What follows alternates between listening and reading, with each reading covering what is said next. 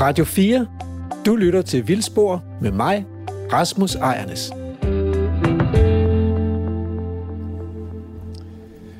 Velkommen til Vildspor. Som man måske kan høre, så er vi ude i naturen, og fuglene synger. Der er både sanglærke og grænssanger og musvitter, og der var også en løvsanger. Wow. Dejligt. Og øh, vi er taget ud i naturen i dag for at øh, finde morkler. Det er jo en, øh, det er en mytisk svamp de, med de her morkler. De er ikke nemme at finde, og alligevel står de nogle gange de mest banale steder, som om de er ude på ligesom at håne en. Øh, man render rundt i de fineste naturområder, finder ingen morkler, så kommer man hjem, og så er der nogen, der har postet et billede fra deres have af en morkel, der er kommet op af en urtepotte. Så tænker man, what? Det er, jo, det er ikke rimeligt. Øh, og med mig i, øh, på dagens reportage her, ude fra en øh, morkelskov, et hemmeligt sted i Østjylland, der har jeg Kasper Malmberg. Er det noget det her, der virker bekendt? Ufattelig bekendt. Nu har vi jo haft et, et langt øh, ikke-bekendtskab, også om mig og morklerne. Øh, jeg har jagtet Østhimmerland tyndt efter de her morkler, og, og de gemmer sig for mig. Det er simpelthen ikke rimeligt. Jeg tror, jeg skal lige beskrive øh, dagens gæst her. Øh, dagens gæst er stor som en øh, ladeport, og øh, øverst oppe, der sidder et, øh, et smilende ansigt øh, og et fuldskæg. Øh, som, og venlig som dagen er lang, tror jeg, det ser sådan ud. Og vi har haft Kasper Malmberg med øh, i et tidligere afsnit af Vildspor, hvor vi var over besøg dig, og, og med ude sammen med din børnehave, altså, Ja, fordi præcis, du er børnehavepædagog. Ja. Øhm, og det var for, for at blive klog på, hvordan kan man egentlig bruge naturen i det pædagogiske arbejde?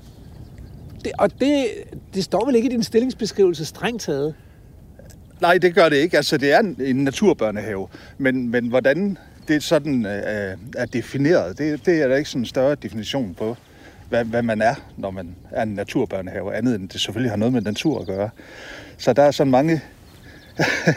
der, der er spændvidde fra at lave bulmad hver dag, og og sove ude, og være ude hele dagen, eller, eller, eller gå på oplevelser og lære noget om naturen.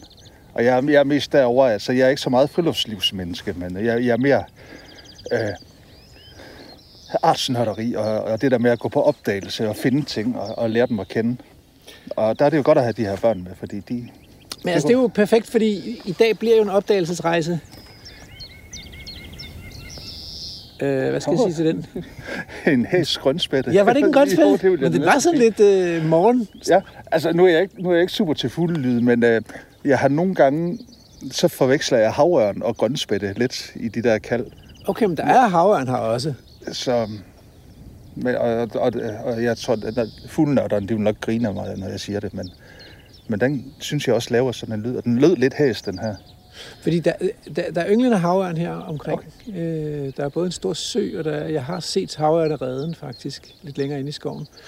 Men det er jo perfekt med en opdagelsesrejse i natur, øh, fordi det er jo det, vi skal i dag. Vi skal ud på opdagelsesrejse, og så synes jeg, vi, så skal vi både øh, beskrive, jeg håber, vi finder nogle morgler, men hvis ikke vi gør, så kan vi beskrive i hvert fald, hvordan der ser ud sådan nogle steder, hvor der kan være morgler. Fordi så kan folk jo måske bruge de næste 14 dage på selv at kigge efter det øh, der hvor de kommer. Mm. Vi har bare vi har et problem, og så bare, man har, når man beslutter sig for at tage på en svampetur, tre uger i forvejen, så, så løber man altid ind i et eller andet problem. Så har det været for koldt, så har der været nattefrost, så har der været... Og vores problem nu er, at det har jo ikke regnet i umindelige tider, altså. Jamen, altså, jamen, sådan er det jo altid. det er altid. Der er nogle gange, når jeg kigger på Svampeforeningen, de der ved, ved, ved at planlægge ture for hele året, allerede om, om efteråret til, til næste forår, hvornår de første ture skal være. Så Det er jo umuligt, ikke? Og jeg, har været på mange mislykkede ture, ikke? Der har været planlagt. Der er det Ja. lidt federe med de spontane ture. Altså, jeg har boet i Grønland øh, på disco i, øh, i halvandet år, og øh, det var helt tydeligt, at det der med at planlægge, det, det var ikke noget, der interesserede grønlænderne. Til gengæld så var de klar til at kaste alt, hvad de havde, hvis der blev observeret en flok valer, som man kunne tage på jagt efter. Øh, og når rensdyrsæsonen kom, så var der bare ferie. Altså, sådan er det. Nå, men lad os gå, og vi skal gå et stykke vej her øh, langs med kysten, og så skal vi finde et godt sted at gå ind i skoven.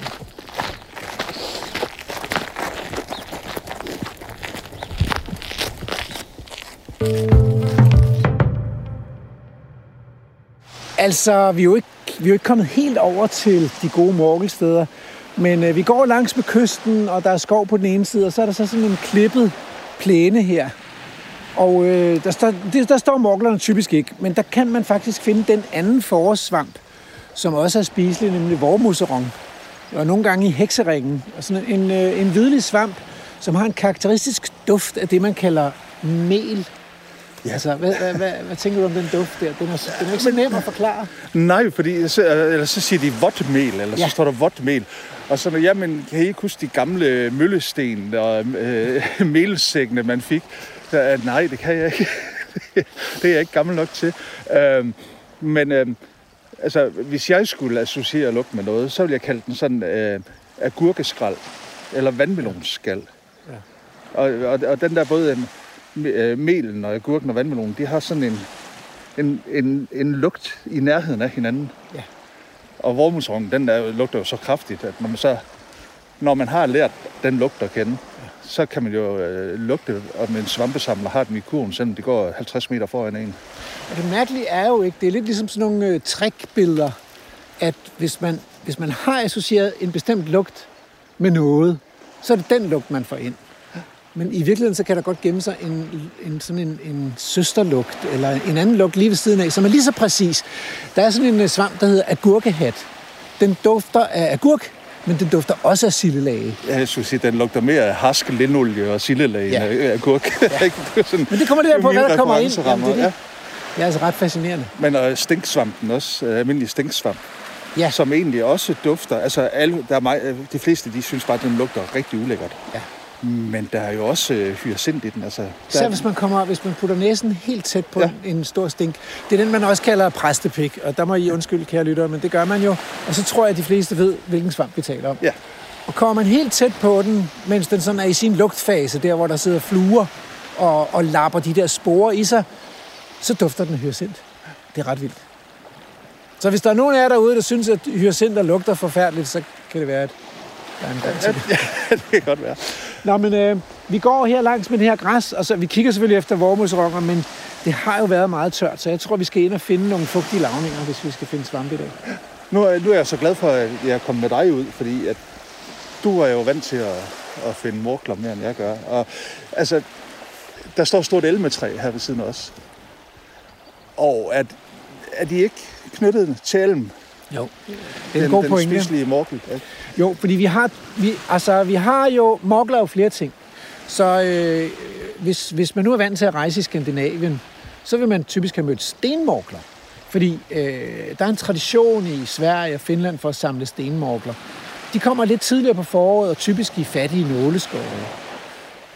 De er altså dødeligt giftige, så dem advarer man imod at spise, selv efter tørring og afkogning og sådan noget, som man har tradition for i Sverige og Finland. Man kan ikke være sikker på at få alle giftstofferne ud af de her svampe, så lad være. Men så er der de rigtige morkler, og det er jo dem, vi er ude efter i dag. Og dem, der har man en gruppe omkring de spi, den spiselige morkel, og så har man en gruppe omkring kejlemorkler. De spiselige morkler har vi to sikre arter i Danmark af, øh, nemlig den, der hedder spiselig morkel, et stort skrummel, ret lys morkel, og så den anden, som, som hedder almindelig morkel, tror jeg bare, den hedder. Ja, det er, altså, jeg, jeg er morkelrusten. Du er morkelrusten, ja. ja, men det er også rigtigt. Lidt mindre morkel, og den optræder tit i haver, mens den spiselige morkel vides med sikkerhed at være associeret med elmetræer. Og måske kan den også med andre træer. Men den lærte jeg at kende i 90'erne. Omkring 95 eller sådan noget, da jeg lavede fældarbejde til min PhD. Der døde elmetræerne. Og så væltede det op med morgler. Altså de mærkeligste steder. Bedre Bypark var simpelthen et af øh, morgel centrene i Danmark. Altså, det, det væltede kilovis af kæmpe morgler op i Bedre Bypark, fordi alle elmetræerne døde. Og det er simpelthen, fordi morglerne tænker, nu skal vi det med skynde os og, og få sat nogle sporer ud i verden, nu når vores livsgrundlag forsvinder. Morglerne laver sådan nogle strukturer, øh, hvor de oplager deres næringsstoffer nede i jorden. Og i det øjeblik, de fandt ud af, at nu det er ved at være slut her, så tænkte de, nu skal det hele omsættes i sporedannende strukturer. Ikke? Så satte de alle de her frugtlæmer for at komme ud i verden. Og problemet var, at der ikke var nogen steder at komme ud i verden, fordi stort set alle elmetræerne døde jo. Ikke? Så det kan jo være... Så, så, så, så vi håber selvfølgelig, at de kommer op igen, morglerne. med elmetræerne. Forhåbentlig. Skal vi ikke lige kigge rundt om det? Jamen, jeg tænkte lige, og hvordan med jordbunden? Er det um, Ja. kalkholdige, lerholdige? Det er på, på, og det er jo også noget af det, der gør morglerne til mystiske svampe, ikke? At, at andre svampe, der vil man jo normalt anbefale, når man går på svampejagt om, om efteråret, efter kantereller og rørhatte, og, så, så vil man, og skørhatte, og så, så, så vil man anbefale at kigge på sandede jordbundstyper, hvor der ikke er så meget plantevækst, mest sådan bare lidt mosser over jordbunden. Men for Morgan, der er det lige omvendt, og det vi står i nu, det er jo sådan noget frodigt noget med bingelurter og vorterod og brændenæller. Øhm, og det er altså sådan en rigtig morgeljordbund. Frodig muldjord, gerne sådan lidt kalkholdig. Øhm, og det betyder også, at når man kommer bare en uge eller 14 dage længere hen, så skal man nogle gange gå og, og så ligesom feje vegetation til side for at kunne se morglerne. Fordi de kan stå og gemme sig nedenunder de høje bingelurter. Men altså, det ser sådan set helt rigtigt ud. Så den eneste grund til, at lige det her sted måske ikke er spot on, det, er jo, det skulle så være, at det ligger sådan lidt udsat for udtørring. Ikke? Men det er sjovt, du siger bingelurt, fordi øhm, jeg har jo ofte klaget min nød over de her mangel på morkler. Og så får jeg nogle råd fra nogle øh, østjyske svampefolk, som siger, jamen du skal bare ud på øhm, under elmetræerne og med bingelurt. Men det kan jeg heller ikke finde. I Øst-Himmerland. Altså kombinationen af bingelurt og elme, eller hvad? Ja, altså, eller bare bingelurt. Den, okay, det er jo, den jeg er tror, det er første gang, jeg har set bingelurt. Så. Ja, den er altså almindelig i, i Østdanmark, ikke på i Sjælland eller, eller Østjylland. Og det er... Øj, øj, øj, øj. Hvad, hvad finder du der? Der er oliebille. Nej, hvor fint. Den har vi heller ikke oppe os. Ja, Nej, hvor den en flot. smuk bille. Altså sådan en lidt... Hvordan skal vi beskrive den? En lidt Et- langsom bille. Et, et, et slået rumvæsen.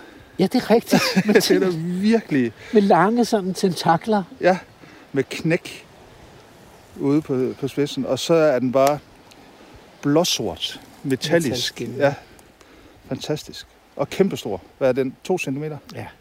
Men det, og det, det ligner jo sådan et eller andet med sådan en, en, en blød, opsvulmet bagkrop fuld af æg eller sådan noget. Det er sådan den association, man får, ikke? Og så skal man være lidt forsigtig med den, fordi øh, hvis man skræmmer den for meget og trykker den for meget, så kan den knække ledene, og så kan den sådan øh, bløde på kommando. Så kommer der sådan en øh, olie ud, Wow. og den øh, kan godt give blære på fingrene. Nå, nå, nå. Og indeholder de samme kemikalier som spansk flue, øh, som giver en smertefuld erektion. så jeg Ja. ved ikke, om der er nogen, der har lyst til at prøve at smage på Ellers tak. Ellers tak. Det, det er fint med, med, med altså i min den. Se, nej, alder- nu gjorde den det. Ej, nu gjorde den det, ja. Jeg smider den Altså i. 20 minutter og en halv time er fint for mig. Det der med to døgns erektion, det tror jeg ikke, det er ikke noget. Nå, Nå jamen men hvor er bliver det fint. Nu bliver det spændende at se, om teorien passer med det der olie på fingrene. Men, øh, Nu fik jeg den ikke dokumenteret. Og jeg har nemlig taget kamera med, fordi der skal altid tage et billede af det, man finder.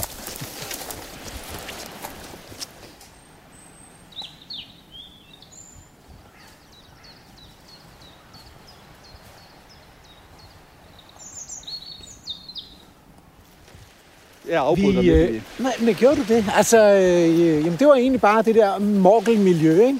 Det frodige morgelmiljø. Og, og øh, vi kan sige, at det andet, altså, det, det er jo typisk noget, man finder i frodige skove. Gerne sådan lidt fugtige skove, hvor der både er ask og elmetræer, øh, bængelurt og sådan lidt kalkrig bund og sådan noget. Øh, men det andet levested, det er jo simpelthen bare hjemme i folks haver, fordi det, man gør i en have, det er, at man skaber typisk sådan et frodigt, skovbundsagtigt miljø inde under buskene. Og, øh, øh, og, og man har typisk ret mange forskellige vedplanter. Og blandt andet de her øh, kirsebær og blommer og roser og sådan noget, de ser ud til også at kunne lave noget med morglerne, ligesom elmetræerne kan. Og de står jo tit i haverne. Øh, og, så, og så er der også det med morglerne, de kan godt lide, at der er sådan lidt, eller i hvert fald sætter de mere frugtlæmer, hvis der er sådan lidt forstyrret bund. Steder, hvor øh, der er en brandplet, eller steder, hvor der er jorden er skredet lidt, eller øh, måske er der væltet træ, eller et eller andet andet, som giver noget forstyrret jordbund. Og hjemme i vores haver, der forstyrrer vi jo hele tiden jordbunden. Øh, så det er noget, de godt kan lide. Altså, her er der jo sådan en lille, lille lavning her med sådan lidt asketræ og sådan noget. Og det, det, er ikke, det er ikke sådan, at jeg ved, at det her sted er særlig godt. Men vi kan godt lige gå igennem det, og så inden vi går lidt længere hen langs med kysten, for at se, om Giv det et første hug, altså. Ja.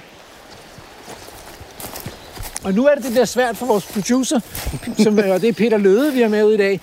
Fordi øh, der sker det, at øh, når, når sådan nogle øh, feltnørder bliver sluppet løs, så pludselig så, kan man, altså, så er man over det hele, eller ingen steder. Så jeg ved sgu ikke helt... Øh, ja, vi går offroad. Vi går offroad. Ja. Det, øh, er også en, af de ting, når jeg, når jeg er på tur. Jeg, jeg kan godt lide at være på tur alene, fordi så kan jeg få lov til at fordybe mig. Jeg er jo pædagog, så jeg har sådan lidt, når jeg er sammen med flere, så har jeg også sådan en tendens til at lige skulle holde styr på, hvor alle folk er hen. Og det er så svært med, med, med nørderne. Ja, de bliver væk med det noget, noget sjovt i den skov her, som også er ja, karakteristisk her. I, I kan se, at vi står sådan lige sådan en lille, en lille skrant på, hvad er der, en meter ned, eller sådan noget lignende. Og, og, og langs med skranten her kan man se, at der er sådan en helt blottet ler. Og det er fordi, at i den her skov, der er der sådan noget plastisk ler. Så det vil sige, det pludselig så, så skrider jorden, og så er der noget, der sætter sig eller glider ned af skrænterne. Og så får man sådan nogle store øh, sådan nogle etager i skoven, og så sådan noget forstyrret jordbund. Så det skridende ler er med til at skabe nogle af de forstyrrelser, som også er gunstige for mokler. Øhm, ja, det er faktisk sådan, at, øh, at, at der, der er så langt dernede, så man lige sådan skal tænke, hvor er den nemme vej?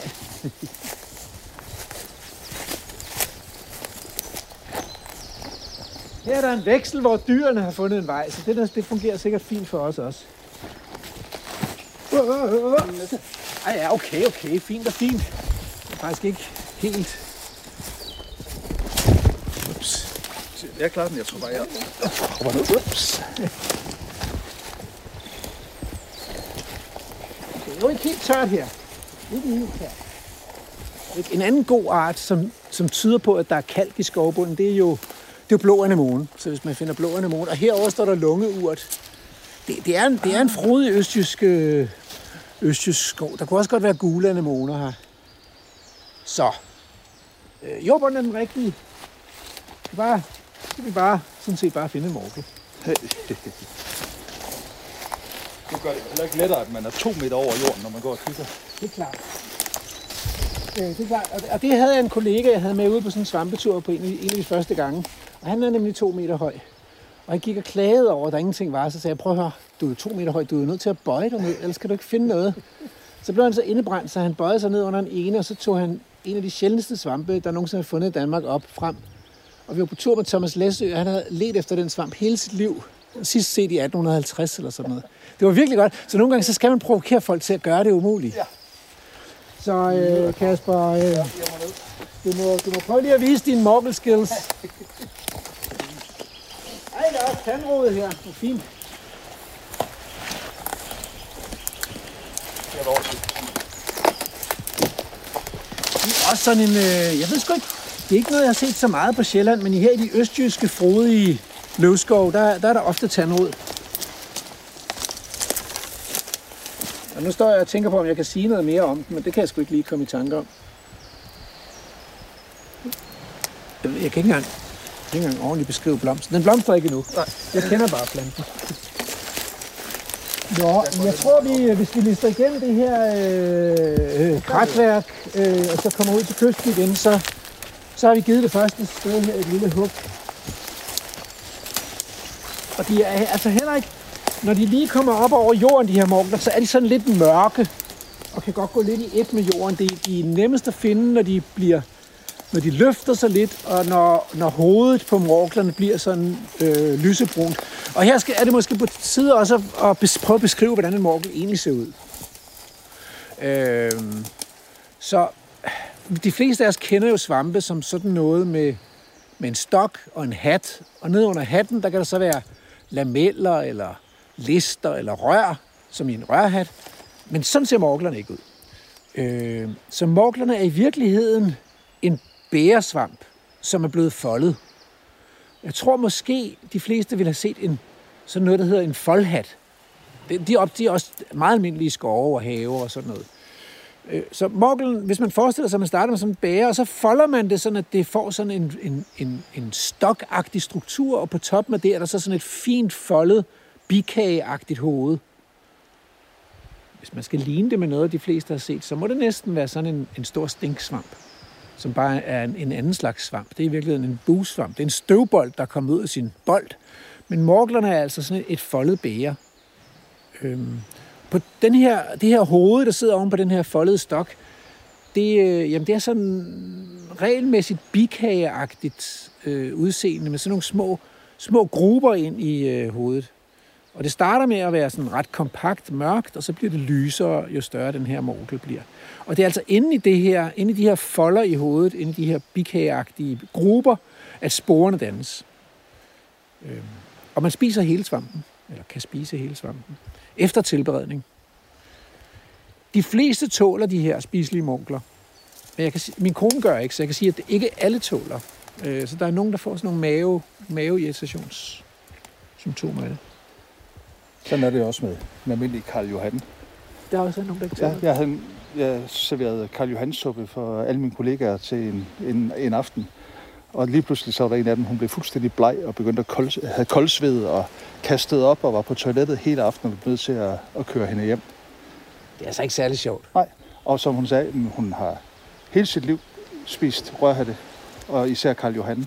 Men for et par år siden, der havde hun været ude at samle, og der var hun blevet lidt syg, og hun troede måske, at hun havde taget en fordærvet svamp med. Ja. Men så fik vi da lige afprøvet, om, om det var rigtigt der. Hun blev syg. Så- Så... Ikke sådan noget dødeligt, altså det var bare, hendes krop reagerede. Så man kan vel også bare sige, at med de her svampæg, det, det er kendt, at der er nogle svampe, der kan give sådan nogle fordøjelsesvanskeligheder. Så det er en meget godt råd, at, at når man starter med at spise en ny svamp, så start lidt forsigtigt. Og ikke gå fuldstændig bananas i, at man har fundet en stor, stor flok. Spis den hele panden. Vær lidt forsigtig. Ja. Nå, jeg prøver... Øh, der ligger godt nok et væltet træ her, og det er jo charmerende i sig selv, men, men selvfølgelig også lidt udfordrende. Ellers så er der en ski op over heromme bagved. Det kan være, det er bedre. Det kan faktisk, faktisk være, at ja, det er bedre, fordi der er også, der er også sådan noget brumba her. Så.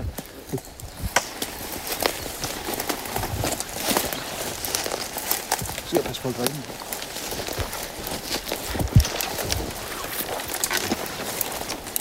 Men altså noget af det her, det ligner jo lidt af det, jeg prøver at lede efter morgler i derhjemme. Øhm, kan det passe, at, at de her brumbær, det er korbær? Ja. Eller der omkring? Ja. Det ligner det meget.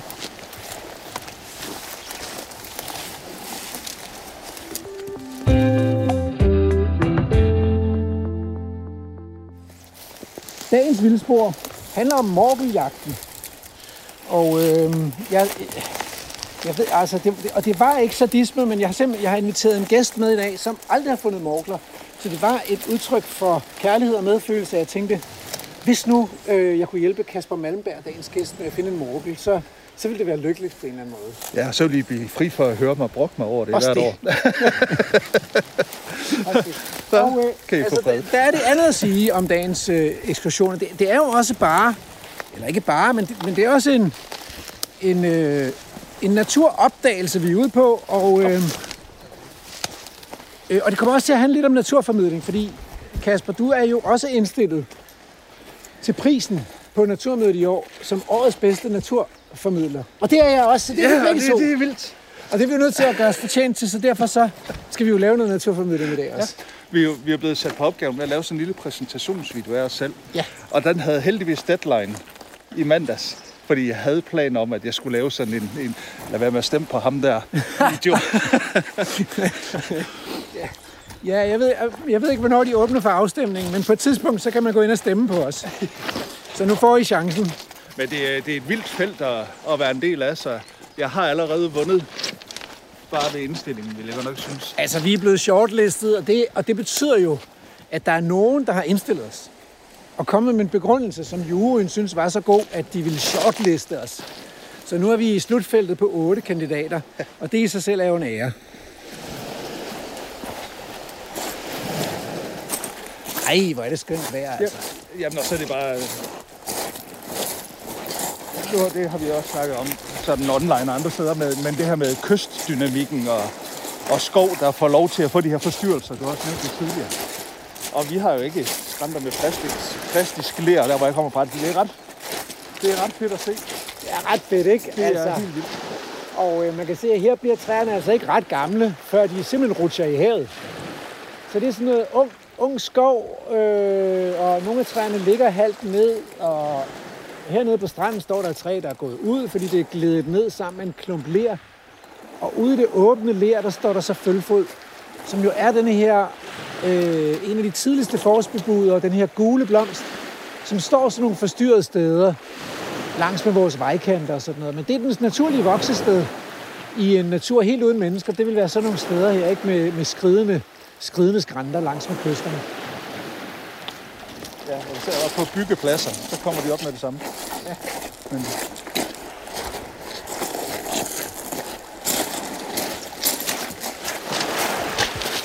det er altså lidt sjovt at se. Det er næsten sådan et uh, miniatyrklippelandskab, ikke? Der, hvor havet bruger millioner år på at forme det, og så bruger de et par år her i stedet for, fordi det er blødt ler. Ja. Men de har alligevel de der... Det ligner det. Ja, det, Jamen, det, ser, det ser meget sådan organisk og... Ja.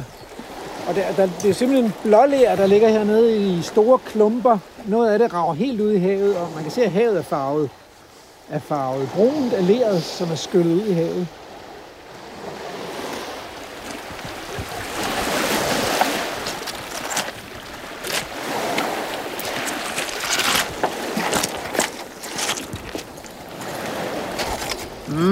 Kommer sådan en, en tunge af helt vådt smattet ler ud her.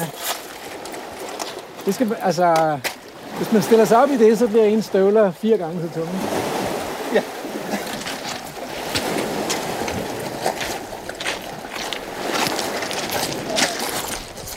Og de bliver glatte.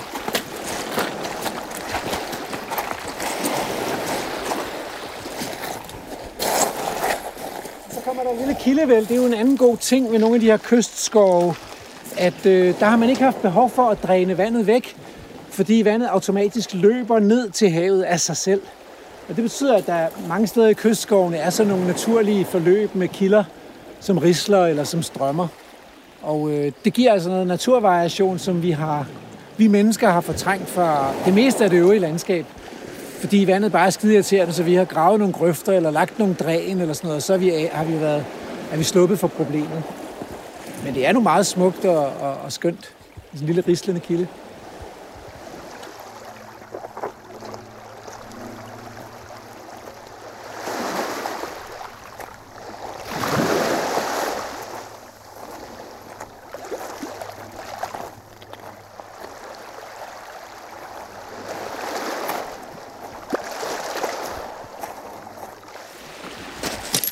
Er højvand, så det er sådan lidt parkourlandskab over det. Øh, så det går godt, øh, Peter. Du øh, Ja, det, øh, balancerer med... jeg bliver terrængående i hvert fald. Ja. Nu, nu har jeg gået og tænkt sådan, og vi skulle snakke om det, men nu kommer naturpædagogen, så de er lidt op i mig. Sådan med, altså, så bygger man legepladser for børn. Sådan, altså, det her er jo ikke vildt. Den ultimative motoriske udfordring for, for børnehavebørn, ikke? at bevæge sig i.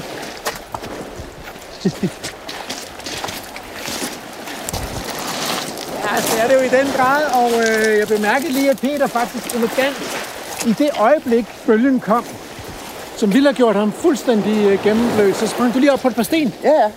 Ja, det er perfekt. Men jeg er opvokset ude ved, øh, ved Vesterhavet, så jeg har jo øh, har lidt erfaring med at overgå røde sokker. Vi er øh, i slutningen af april måned, og det har været koldt. Koldt i marts, koldt i øh, april. Der har været nattefrost mange nætter.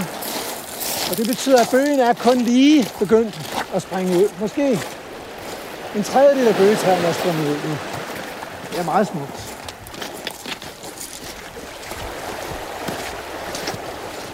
Nå, men altså kejlemorglerne fordi dem er der jo også, de er lidt nemmere. Øh, hvor man mener, at, øh, at de ægte morgler jo laver et eller andet med træer og buske og urter. En eller anden form for symbiose. eller det man også kalder mykorrhiza, altså at træer og planter, eller svamper og planter hænger sammen under jorden. Så, øh, så mener man, at kejlemorglerne de er nedbrydere. Det vil sige, de skal egentlig bare have øh, et, et, et eller andet organisk materiale, de kan æde, for eksempel ved. Og det betyder, at, at nogle af de steder, hvor man har lagt flis ud i sådan nogle flisbede, så pludselig så kan man være så heldig, at der ikke kun var flis i posen, men at der også var noget, nogle morgelsporer. Eller noget morgelmycelium. Og så pludselig så kan der dukke 10, 20, 30 kejlemorgler op i ens flisbillede. Og det er jo sådan noget, der også kan opleves uretfærdigt. At det sker for almindelige mennesker, der aldrig har interesseret sig for morgler og drømt om dem. Hvad er de giftige? Jeg har luet dem væk fra haven, spørger de om, ikke? Ja, åh oh, nej. nej, nej, nej. Jeg Men- kommer, jeg kommer og udrydder dem for dig. Men altså, men så går der jo også øhm, øh, på, på Facebook svampesider, der, når der så er en, der har sådan et øh, morkelbelagt flisbed derhjemme, så begynder folk, hvor har du købt din flis henne? så går der så nærmest øh, på jagt på at, at, at tracke de her øh, flisposer, de har købt i byggemarkedet, og hvor de kommer fra, for, ja. fordi man også gerne selv vil have det ude i haven. Og jeg tror faktisk, øh, jeg synes, jeg har læst mig frem til, at der er et par danskere, der har fundet ud af, hvordan man kan dyrke morgler. Så, ja, altså de her øh, kejlemorgler. Så det er ligesom, det er en lidt mere tilgængelig ting. Og en lidt, lidt mere almindelig svamp, og ikke, ikke helt så mystisk som de, som de spiselige morgler. Ja, lidt mere medgørlig, sådan, Ja, hvis man skal producere. ja. Men ja, jeg ved ikke, hvor langt vej de er endnu med at gøre det til en forretning. Jeg, øh, jeg tror, man kan få dyrket morgler øh, i handelen. Nogle af de kejlemorgler, man kan købe i handelen. Jamen, jeg tror, øh, det er så fra Kina. Ja, ja, er andet sted. Men, og så er der en morgel mere, og øh, jeg tror nok, jeg startede som ung svampesamler med at gennemgå den samme, de samme faser, som du har været igennem nu, Kasper. Ja. Det var svært. Altså, det var simpelthen, jeg var på mange morgelture uden at finde noget. Og den første morgel, jeg fandt, det var den, der hedder hættemorgel. Ja. Som er en lidt mere almindelig, lidt mere tyndkødet svamp. Øh, me- mest beslægtet med kejlemorglerne, men også i skove og haver. Øhm, så dem fandt jeg et par gange, før det lykkedes mig at finde min første, første ægte morgel. Du lytter til Radio 4. Det er også det, der, det, var, det er ligesom svampene, der var sådan min uh, gateway drug til uh, at gå på opdagelse i naturen. Det var simpelthen der, du startede. Ja, det er jo frygteligt åndssvagt at starte med svampe. Um, Ja, Det er hvorfor så det? Det vil du lige forklare. det er, fordi det er jo ikke bare... Altså, vi startede med at samle spisesvampe i familien, ja. da jeg var barn. Ikke? Og øhm, da jeg var ung, der købte jeg politikens øh, svampebog. Og, og læste den igennem mange gange og var på svampejagt. Og fandt aldrig noget selv nede ved Aarhus, indtil jeg så begyndte at afkode stederne. Øhm, og så troede jeg egentlig, at jeg havde ret godt styr på alle Danmarks svampe. nu kendte jeg de der 300 arter i den her bog. Og så blev jeg medlem af Svampeliv på Facebook, da den var i sin spæde opstart med 500 medlemmer eller sådan nogle ting. Og jeg troede, jeg vidste en masse. Og så støder jeg på folk som dig og, og Lesse og Jens H. Petersen. Og, og så får man lidt knups. Ja, det var pænt, pænt af dig at nævne mig i den, øh, i, i den kontekst, men jeg, jeg har jo været ude med Thomas Læsø, og, og, og, og hvis der er noget, der kan øh, få en til at miste al selvtillid, så er det jo så er det ude med en, der ved så meget. Ja, lige præcis, ja. Og så er det jo... Um, så er det bare en organismegruppe, ikke, der bliver mere og mere kompleks, jo mere folk de lærer den at kende. Ja. Øhm, så jeg, jeg har også fået anskaffet mig et mikroskop, og det har også taget lidt af livet af, fordi jeg troede egentlig sådan, de svære svampe, jeg aldrig kunne komme i land med at bestemme. Ja. Hvis nu jeg bare lige havde det der mikroskop, ja. så kunne jeg komme i land. Ja. Men det gør det bare endnu mere komplekst. Altså, hvad skridt man tager ind. Åbner til helvedes foregår. Ja, lige præcis.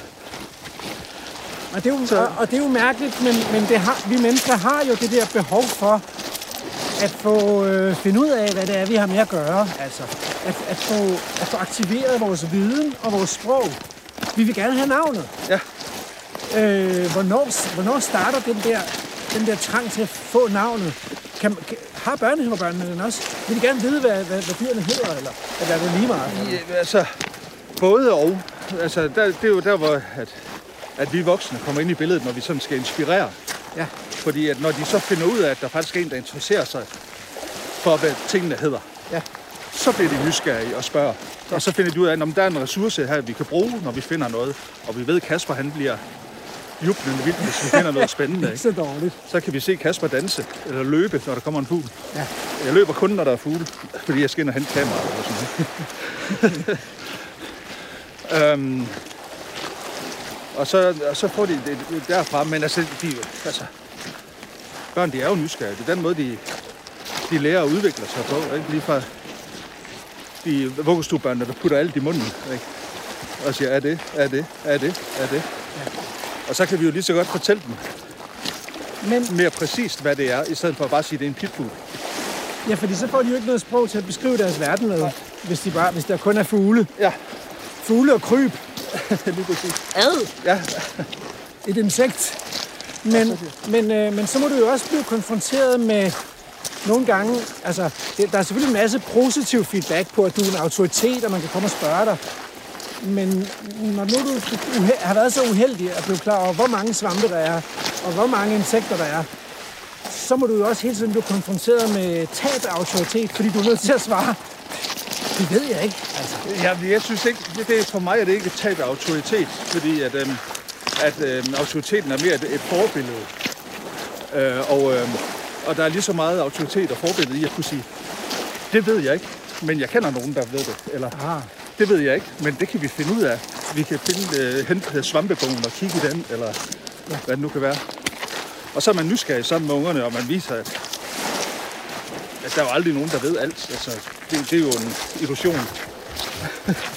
Fordi jeg har nemlig sådan en fornemmelse af, at jeg, øh, øh, jeg har også været på svampeture med, med, med børnehaver og skoler og sådan noget. Jeg har en fornemmelse af, at der sker det med os voksne, at vi indarbejder sådan en mekanisme i vores eksistens, hvor vi sorterer alt det fra, som vi ikke har en hylde til. Og så holder vi op med at se det. Ja. Så, og, og det er jo så et problem, når man så skal til at blive svampekender og svampesamler, at man skal, og man skal genfinde sin evne til at se verden, fordi man egentlig har mistet den.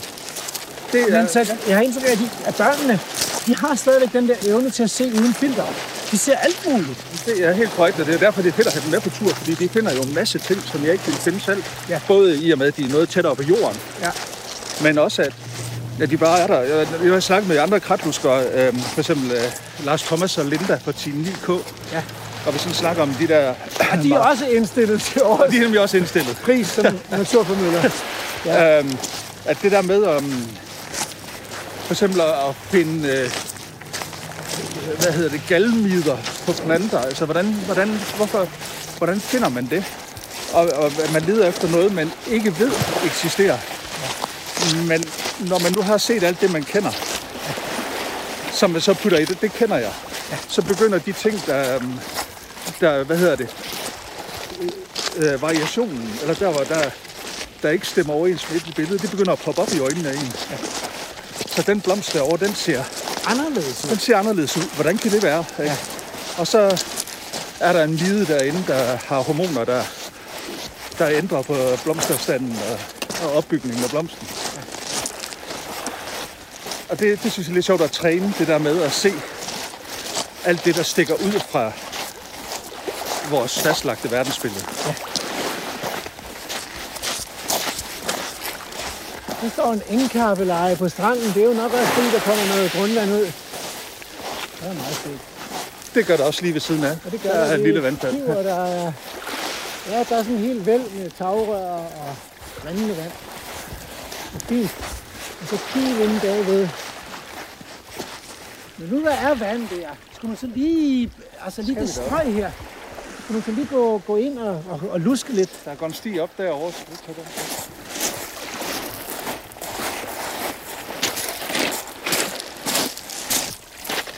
Den, øh, det er sjovt med indkappelejen. Jeg har engang læst en beskrivelse, altså skrive sådan, at det var sådan en plante, alle burde øh, kende.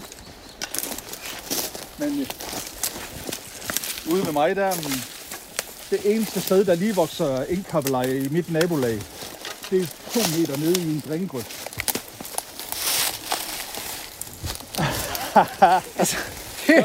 Apropos, når du siger det der med, find det, der stikker ud, det er det, man kigger efter, så er det nogle gange, man finder artefakter Ja.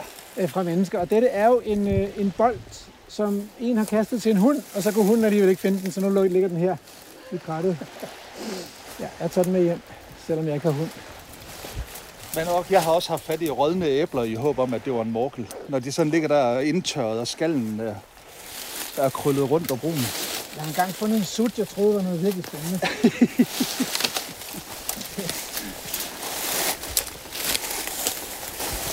ja, ja. Ah, men, jeg prøver lige at finde det finde Altså, der er i hvert fald mere, og det er sådan lidt forstyrret, og der er sådan lidt fugtigt og sådan noget. Der er ikke noget helt umuligt sted, det her, skulle man synes.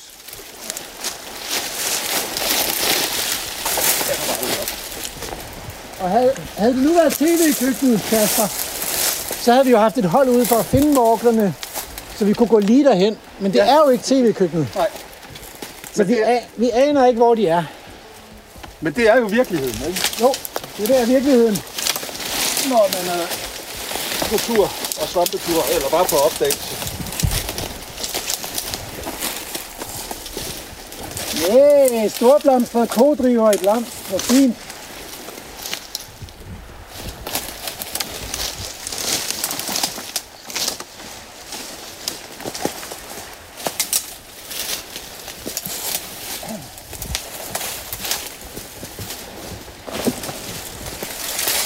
Det er, det er bare tjørn og brumbær overalt. Det er jo ikke venligt område. Nej, nej, det er det ikke. Øh, men, øh, vi prøver at komme lidt op til dig. Ja, der? Jeg bliver simpelthen nødt til at gå den anden vej rundt. Jeg kan ikke komme igennem med mit udstyr der. Perfekt, det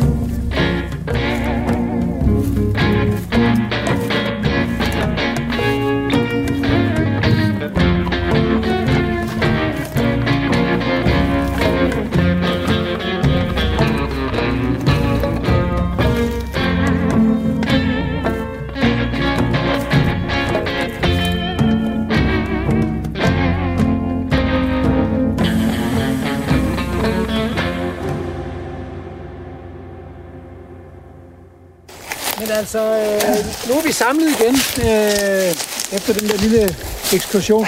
Jasper, jeg afbrød dig, fordi du var ved at forklare, om det, hvorfor, hvorfor at det ikke er så nemt at se indkappeleje, ved hvad? Ja, jamen, øhm, jeg havde læst en gang en, der skrev indkappeleje. Den, det er sådan en, alle burde kende. Ja. Og så jeg har aldrig set den sådan i nabolaget. Og jeg bor i Østhimmerland, lige ved foden af sejlflod øh, Kalkø, som er sådan en gammel istidsaflejring af kalk eller opskrab. Ja. Øhm, og derfra og så ud til kysten 20 km ude, det er jo gammel sten eller havbund. Og det er drænet og dyrket. Og, ja. og, og, jeg skal lige have luften efter bakken. um, og de er jo to meter dybe, de her drængrøfter. Og der er et sted nede i niveau, hvor grøftevandet er, i den her to meter dybe grøft, der står der en lille indkappeleje. Der fandt du den. Der fandt jeg den. Og så kan man sådan rejse sig op, og så er det bare fladt og dyrket marker. Men lige dernede, der er der plads til den. Så, sådan er det jo mange steder i Danmark, altså. Det, det må vi jo bare se i øjnene. At, øh, at det, der var almindeligt for 100 eller 200 år siden, det er der nogle steder, skal man altså lede efter det. Ja, Og så står de bare her. ja Det er helt, helt, helt naturligt kildevælde. Altså. Ja.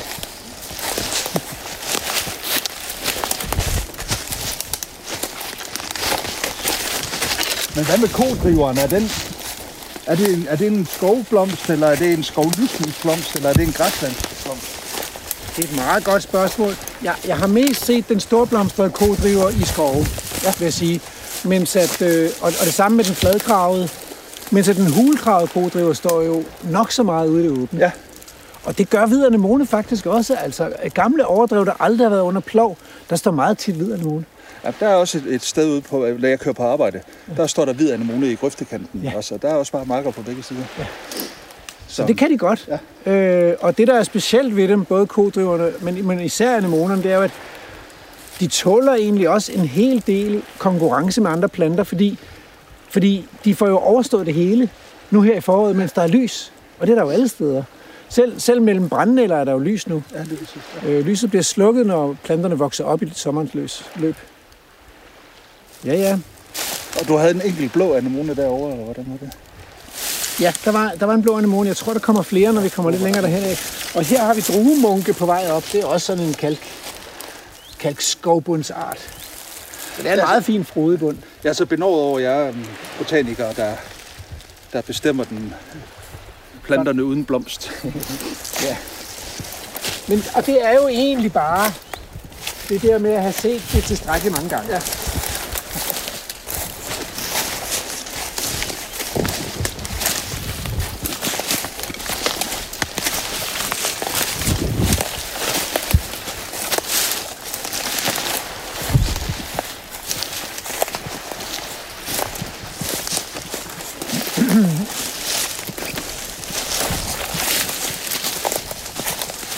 Jeg er den tørre bund. Nu, øh, nu skifter det lidt, og det, er jo, det skifter over meget korte afstande her. Ikke? Men, øh, men når det bliver lidt tørre, så er der meget øh, vedbænd og meget korbær. Og, så, så vi skal prøve at se, om vi kan finde den lidt, lidt fugtige og lidt mere frodige bund. Jeg tror lige efter. på den anden side af den her lille bakke, der er også nogle bakker oppe på den anden side. Der kunne det godt være, der går... Der er nogle... Øh, Der går jamen lad os prøve det og gå lidt væk fra kysten. Der er også udtørret herude i skovbrynet, skal man tænke på.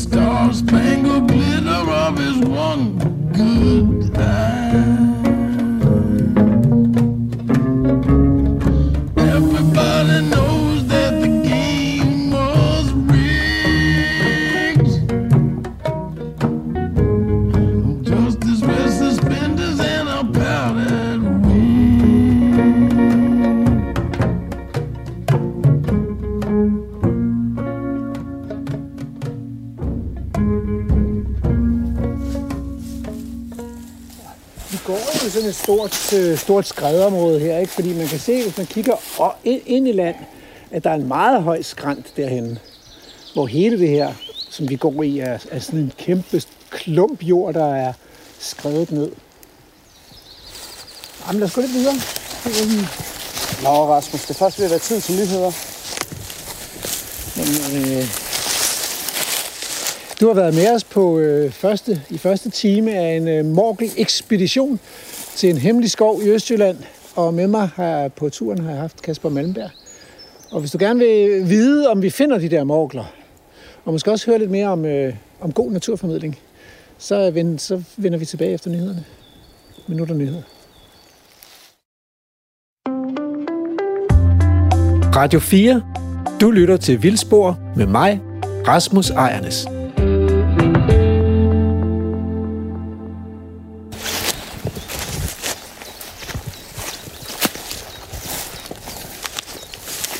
Kan næsten ikke sige det, men det kunne være godt med nogle store planteæder til lige at tømme den sti for os. Jeg tør godt sige det. Altså, det er, det er faktisk det er jo meget skægt, ikke, at, at når vi snakker øh, øh, naturnationalparker og friluftsliv, så går bekymringerne altid på, at friluftslivet bliver forhindret, når der kommer store græsne dyr. Men hvis der er noget, der forhindrer friluftsliv her, så er det alt det der undervækst og opvækst af korbær og brumbær og og det jo bliver jo kun værre i løbet af de kommende måneder, når det hele eksploderer i vækst. Og det, som store græsne dyr gør, det er jo præcis, at de, øh, de skaber stier, som vi kan bruge os. Pattedyr laver stier, især hvis de er planteædere. Og de finder også de nemmeste steder at gå, så skal man ikke lede efter dem selv. Og så, måske allervigtigst, så giver de en grund til at tage ud i naturen. Fordi de er fantastiske at opleve. Så jeg forstår ikke friluftslivets bekymringer, altså. Men den der med, at de er fantastiske at opleve, det er også en... Um, vi kommer tit til at snakke om det, som at de er et værktøj. Ja. Og det, det er lidt ærgerligt, fordi ja. de er så meget mere ja. end et værktøj. Ja. Så de er en del De er en del af økosystemet. det hele, ja. Det har de været i millioner af år. Men, men det, er jo fordi, det er jo fordi, at vi har glemt det. Så ligesom at man kan glemme øh, sansningerne i naturen, fra man går fra at være barn til man bliver voksen, så kan man også glemme, hvordan naturen var, før vi blev født. Fordi vi ikke har nogen erfaringer. Det er jo det, der hedder Shifting Baseline Syndrome.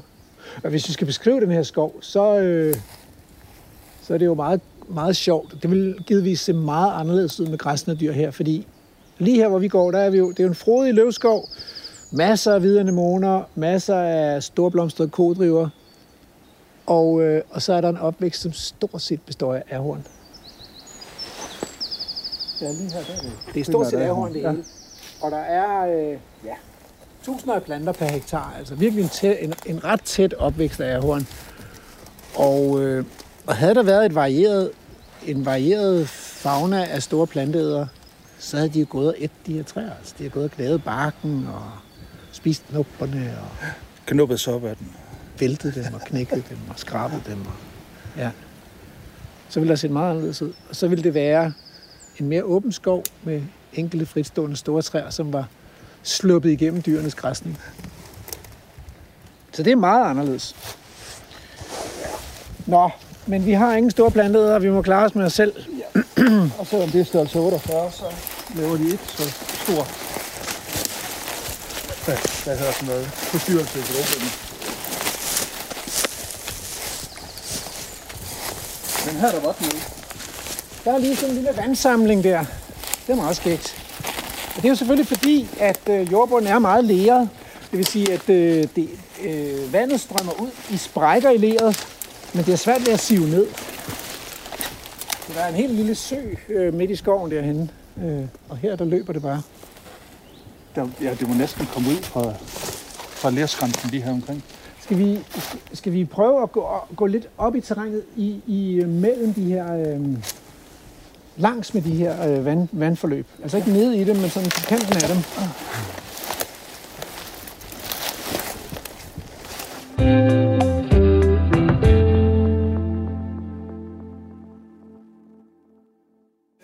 Du lytter til Vildspor, øhm, og, øh, og, og jeg er taget i felten i dag for at finde mogler.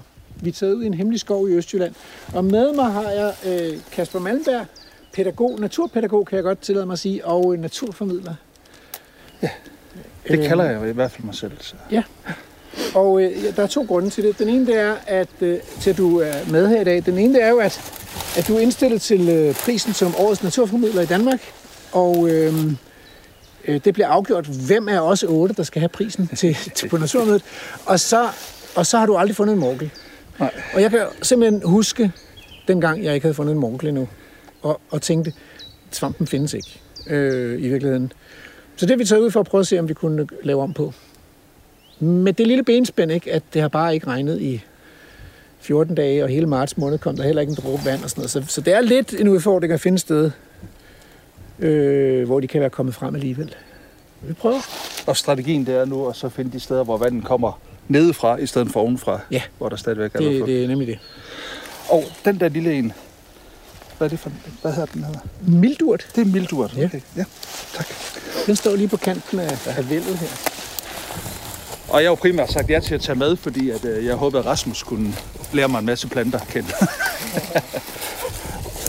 Ja, for du ved godt, at vi selvfølgelig ikke finder morkler. Jamen, det gør vi ikke, fordi jamen, altså, mit forhold til morklerne, det er altså, min kone og jeg, men øh, tit med, når vi går på svampetur, det er den her samtalen om, at, at det er- de, de er mystiske. Altså, det, der er et eller andet med dem, og jeg er sikker på, at de gemmer sig. Altså, det er lige før, man, når man så er gået forbi et sted, så kan man høre sådan svag, at de kommer op igen bag ved en. Med sådan en lille knækkende latter. Ja, lige præcis. Altså, øh, de visker, nu kommer han, nu kommer han. Øhm, og det, er- men det er også, når man arbejder med børnehavebørn, så er det jo sjovt at lave de der små fortællinger, som, altså fantasifortællinger og pjatte omkring, hvad det egentlig er, der foregår, eller i hvert fald, hvordan man oplever det, der er derude. Samtidig med, at man også gerne må fylde noget viden på den. Ja, er så sådan en blanding viden. af, blanding af fantasi og, og Ja. lidt, lidt, lidt eventyrvæsener og sådan noget øh, viden. Det kan de jo godt nav- navigere i. Ja, det kan vi også selv. Altså, der, der har været meget snak om det der med, at, øhm, at, øhm, at med videnskaben, der har naturen mistet sin fortryllelse og sådan nogle ting. Ja. Men det bliver jo, altså jo mere man dykker ned i det, jo mere fortryllet bliver det. Men, i men, men jeg kender også, altså jeg har også mødt nogle voksne mennesker, som synes, at det er svært. Lige præcis det der, det er svært. Jeg kan huske, at der i den her gruppe for, for svampe, hvis, hvis nu der er nogen af jer lytter, der virkelig interesserer jer for svampe, så kan vi jo godt anbefale den. Gruppen Svampeliv, Ja. Facebook-gruppen Svampeliv, er virkelig et godt sted. Man møder næsten altid nogle meget kvalificerede svampeeksperter i den gruppe der. Man møder også mange, som er halvstuderede røver, og nogen, der er totalt blanke amatører, så man skal lige lære at navigere i, hvem er autoriteter og hvem er ikke. Der skete for nogle år siden det mystiske, at der dukkede en, øh, en, en kvinde op. Øh, Dorte Åh, ja. Aalborg, Ja. og påstod, at hun havde simpelthen fundet nogle trøfler. Øh, og trøfler er om muligt endnu mere mystiske og omgæret af ja, hemmeligheder, overtro og forestillinger og fantasier. Så det vagte jo en hel del opsigt, da hun pludselig poserede med, med hænderne fulde af trøfler. Øh, sommertrøffel, som er en af de spiselige trøfler. Trøflerne er jo ligesom med morglerne øhm, øh, øh, sæksporesvampe, det vil sige, de danner deres sporer i sække, mens de fleste af de andre svampe, vi spiser, de er basidiesvampe, så de danner deres sporer mellem lamellerne eller inde i rørene under hatten på sådan en klassisk svamp. Men øh, morglerne og trøflerne danner deres sporer inde i sække. Øh, trøflerne har bare en anden strategi end morglerne, så de, de har gemt det hele væk inde i sådan en, en rund knold ned, som er ned i jorden, og man tænker, hvordan kan det være smart? Fordi hvordan får de så nogensinde deres sporer spredt? Det gør de så ved, at de har duftstoffer, som gør, at de bliver gravet op af dyr, som æder dem og spreder deres sporer på den måde. Genialt. Det er skørt, men øh, men, så, men hun kom der og påstod, at hun havde fundet dem. Og så var der nogen, der, der, var, så var der nogen, der blev mistroiske. Fordi sådan er vi jo også som mennesker. Vi bliver mistroiske. Vi tænker, ej, når jeg ikke kan, hvordan kan hun så? Det giver ingen mening. Og så, så spurgte de, altså, ah, kan det nu være rigtigt? Kan du vise os det? Har du ikke bare snydt? Har du ikke købt dem? Øh, Vis os det. Og så lavede hun en lille video, hvor hun viste det, hvor man, man, man, man kunne se, at det var sådan en demonstrationsvideo, fordi hun selv puttede trøffelen ned, inden hun fandt den. Øh, og det var der nogen, der simpelthen ikke kunne snuppe. Øhm, og så, øh, så kunne de ikke være med i det længere, den der, den der grænse mellem, er det sandt, eller er det falsk? Eller, man har ligesom behov for at kunne helt klart navigere i, er det virkelighed, eller er det fantasi? Er det rigtigt, eller er det forkert? Men det viste sig at være rigtigt. Hun er ret god til at finde trøfler. ja, hun kan godt finde Hun er trøfler. virkelig god til det, og, og finder mange forskellige arter af trøfler, så på den måde har hun jo fået sådan en slags oprejsning, samtidig med, at hun også har nogle, fant- nogle fantasifulde historier. Ja. Men børn kan godt navigere i det. Og du siger, at det, det kan man også godt, hvis man er lidt varsom med voksne.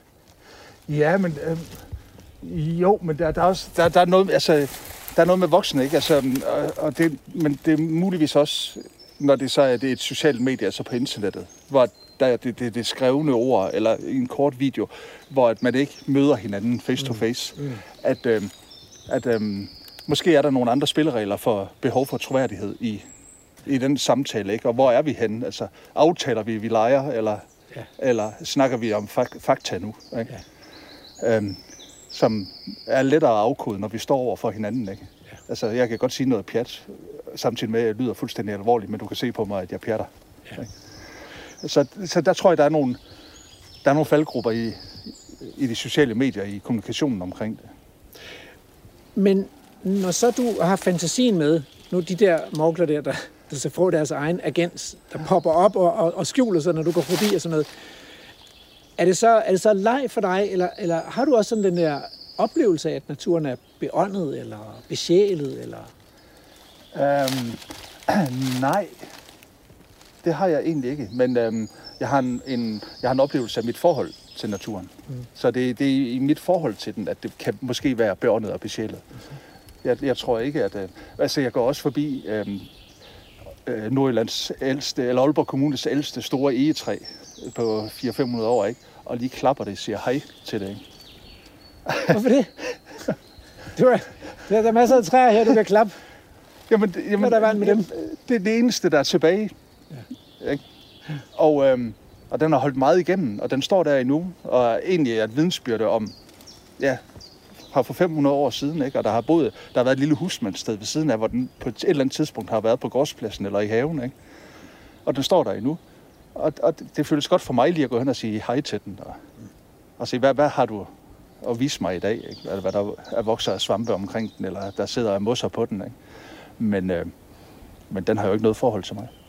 Den er nærmest sjældnere end, end morglerne, men, men nemmere at finde. ja, den er noget nemmere at finde. ja. Så, så jeg, jeg, vil ikke, jeg, vil, jeg, jeg, vil ikke, jeg vil ikke påstå, at jeg synes, den er besjælet, men, øh, men jeg har et forhold til den. Ja. Nå, vi, vi er nødt til at give det der morgler skud.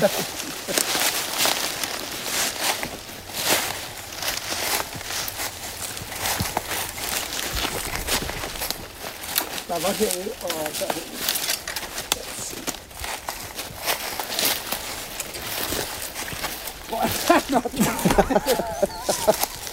det. Var der så ikke. Om for fanden. Hvad sker der? Øh, Peter fik øh, våde. Øh, nej, se, der er en, øh, en stilkpursvamp. Og så var der en sjov, en sjov, øh, det var en af de her røde, jeg ligesom øh, faldt over, ikke? Og det er jo en øh, myxomycet, eller en slim, slimsvamp, Det er som nu er nået til et, et sporestadie. Og den er svensk rød. Ja, lidt rusten i det. Støvende. Meget rusten, og den er nået til det støvende stadie.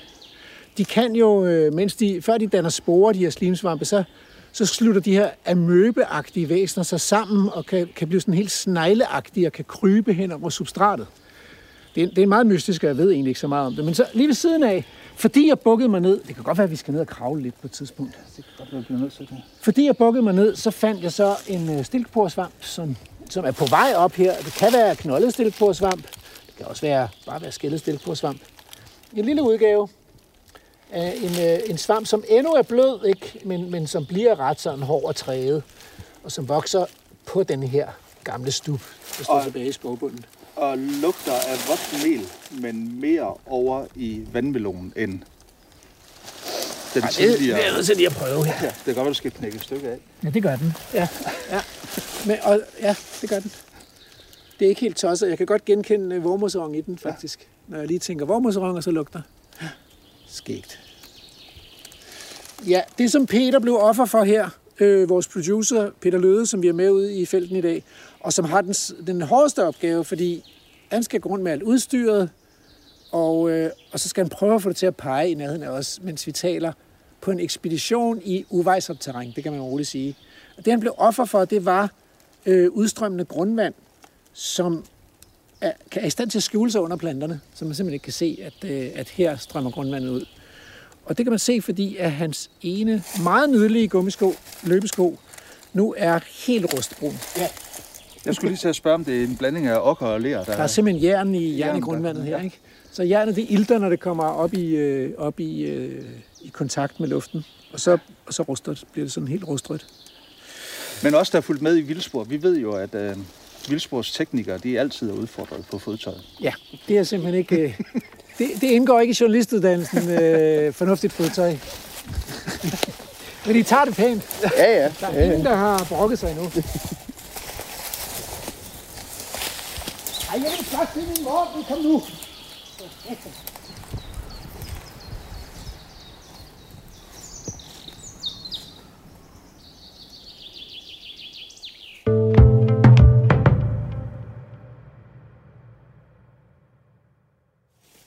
synes egentlig, at noget af det her det ser meget godt ud. Det vil ikke komme bag for mig, hvis der var noget. Der er i øvrigt en, øh, endnu en morkel. Nemlig øh, sådan en, en, der er sådan mere skålformet og meget rynket i skålen, som hedder klorbæremorkel. Og det her er fordi, den øh, dufter af klor. Og det er ret godt, fordi der er et par andre skålformede øh, morkler, som er giftige, som i virkeligheden er en slags stenmorkler, der er skålformede. Øh, og de de er jo giftige, så dem skal man undgå. Så, så man finder man sådan en skålformet øh, morkel, der er rynket, og som dufter af klor, så har man fundet en klorbæremorkel. De står tit under rød hestehov. Jeg har kun fundet den anden udbredt stenmorkel på, på dødt nåletræ rundt omkring. Ja.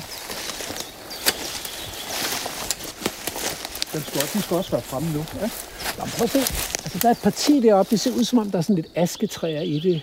Øh, Det kan godt være, at vi skulle prøve at, at give det et forsøg.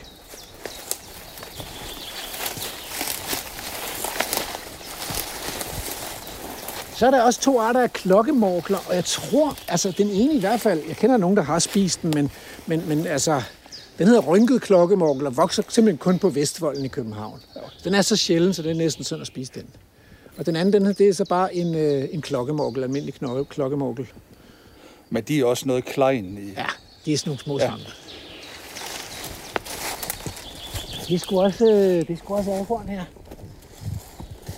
Tror altså måske, at hvis vi kommer ind, ind igennem der, at vi så kommer til noget mere aske, askemoseagtigt noget. Det tror jeg mere på, end jeg tror på det her hornværk. Nu er vi ved at være der, hvor vi er på sådan en klassisk skattejagt eller opdagelsestur, hvor at man går og kigger ned i jorden og bliver og glemmer lidt, hvor man er, og så kigger man op, og så siger man, derover ser det godt ud, og så går man derover og kigger ned i jorden, og så kigger man op igen og siger, derover må det være. Og så lige pludselig, så er man, øh, så er man langt væk hjemmefra, eller fra parkeringspladsen. Ja. Ja, Og af erfaring, så er det altid, når man så beslutter sig for at give op og gå hjem, og så kigger på kortet og siger, hvordan er den letteste vej tilbage pi- øh, til bilen. Det er der, man finder det, man er på jagt efter. det, det lyder bekendt. Det lyder absolut bekendt. Så lige her, der er det jo, der er skrænterne virkelig solbeskinnet og udtørret, så her finder vi dem sgu ikke, tror jeg. Men øh, lad os komme videre. Her, herovre står der et par røde el, og så skal man altså være lidt på vagt. På den anden side står der jo også nogle der står en ask der, ikke? Og der står nogle døde træer der og sådan noget. Det er jo også sådan noget, man godt vil, vil lige være lidt ops på. Det er meget skægt. Jeg er ret sikker på, at det er, er i det her øh, plateau, det her område, hvor jeg i 1995, altså hvor jeg var på feltarbejde for at lave noget andet, lige stak ind igennem det sammen med min, min kollega. Og, øh, og så havde vi to fulde bæreposer med kæmpe store morgler. Ikke? Altså, altså, det var sådan... Damn! Men det var dengang elmetræerne døde. Det var altid bedre i gamle dage. Jamen, ja, det er den samme historie, jeg stødt på med øh, svampefolkene i Aalborg, hvor vi gentagende år i træk har været på jagt efter morkler i det område, hvor i midten af 90'erne, at de, fandt, de kunne lave sådan en helt paradebord af store morkler. Vi prøver lige at se, om vi kan komme øh, over den der... Øh, der er sådan en lille ridge. Hvad hedder sådan noget? En lille pukkel, vi skal hen over. Fremspring, for at se, om vi kan komme forbi der. Om der er noget spændende inde på den anden side.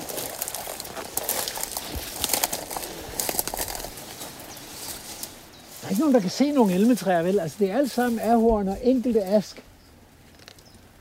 Der står nogle døde træer herinde, ser det ud til. Jamen, lad os prøve. Prøv at se, om det kan lade sig gøre at komme derind.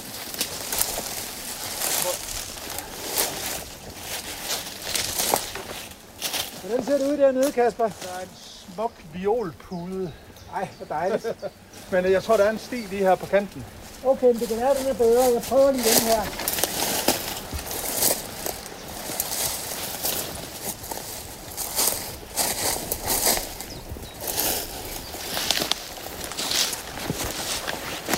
Op ad den sti her, så skal vi se, hvad, hvad, om der sker noget mere herinde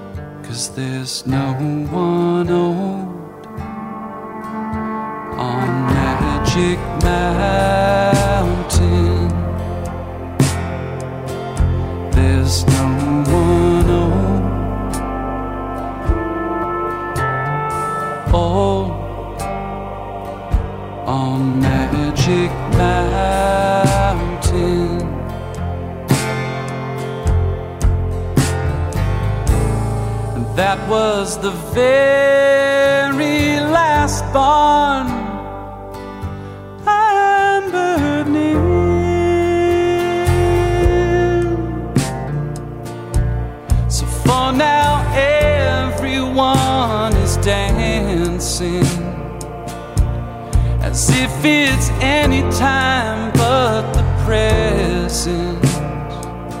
So for now, any young thing in my path,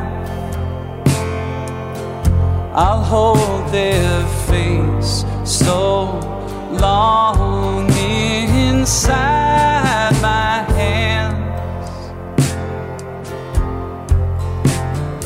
Longer, the better. The longer the better. Cause there's no one old on Magic Mountain.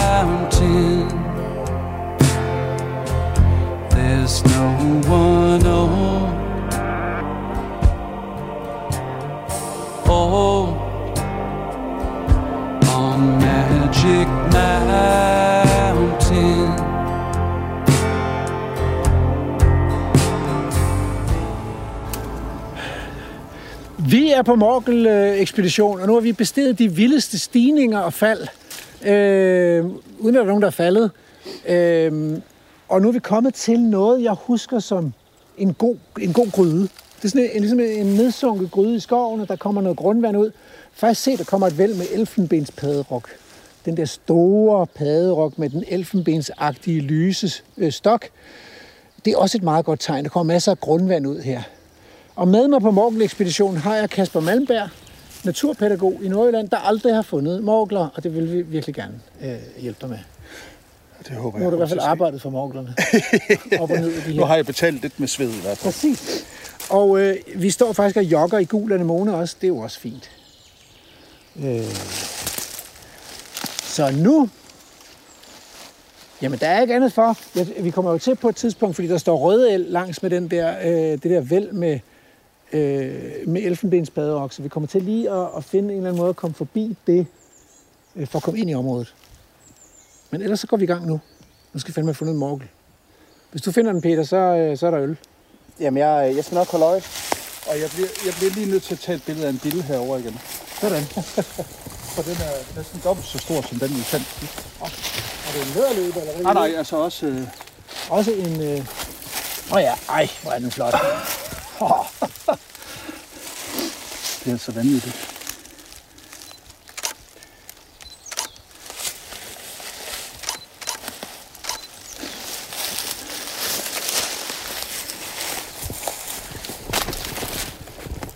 Altså, sådan set, hele vældet dernede ser også godt ud, altså øh, siderne af det. Så det kan, der kan man også godt kigge, men... Øh, ja, men det ved jeg sgu ikke, altså. Der, der er jo el i, underskoven her også, ikke? Der er elmetræer på vej op igen.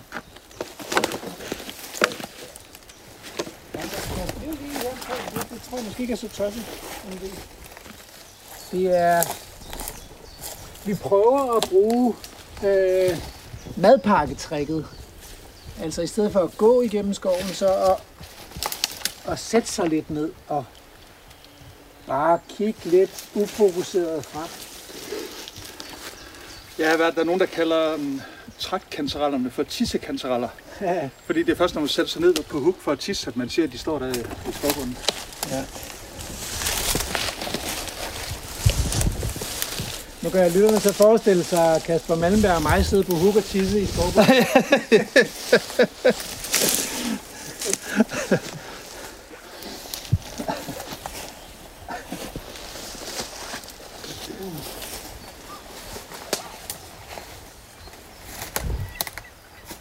den her sådan lidt øh, fedtede, klistrede, sorte øh, skovmuljord, det er, altså, det er altså den helt rigtige jordbund. Der er ikke noget... Altså, det bliver sgu ikke, det bliver ikke mere rigtigt end det. Så øh,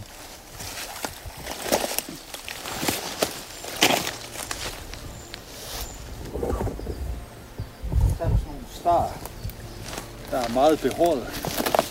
Eller er det ja, Nå ja, nej, det er en start her.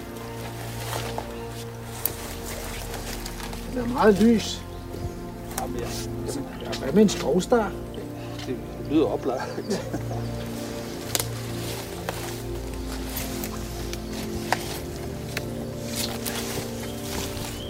Jeg er benovet over de der elfenbenspadderok.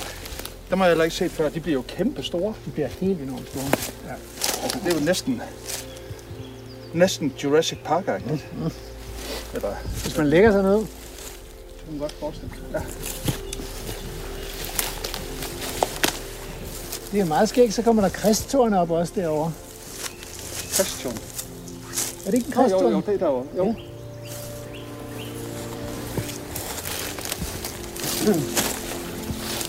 Det, lyder, det er jo måske nok tænkeligt, at den er ved at sprede sig nordpå. Og mest almindelig i Sønderjylland. Som skovbundsplante. De har rigeligt af den der i de der kystplantager, og, og de skal ud ved børnehaven. Okay. Der er de der I en stor stil. Men, men små. Selv hvis ikke vi finder mokler, så er det jo så er det bare fedt at være i noget andet i naturen, end det man er vant til. Det er rigtigt. Og se nogle nye arter. Og det er egentlig skørt, at, at på sådan et par timers kørsel, at der kan være så meget variation. Ikke? Det synes jeg, det er jo noget af det, som Danmark kan, altså. I kraft af vores lange kystlinje og vores varierede landskab, som i, hvor isen har flyttet rundt på tingene og lavet mærkelige buler og blandinger af grus og sand og ler og sten. Det er meget varieret.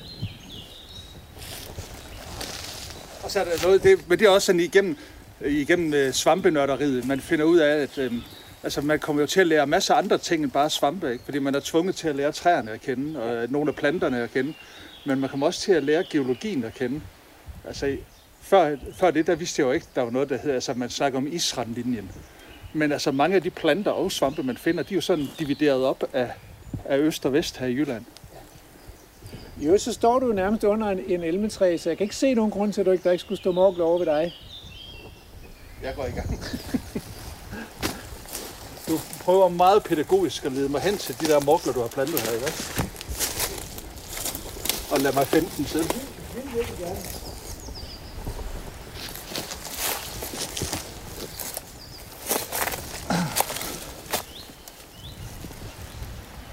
Jeg kan ikke se dem.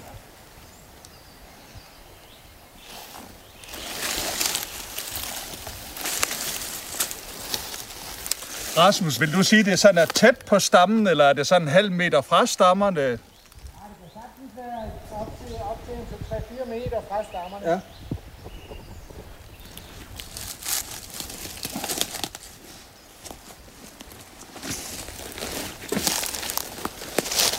Bare stikke ned i hænderne ned i krattet.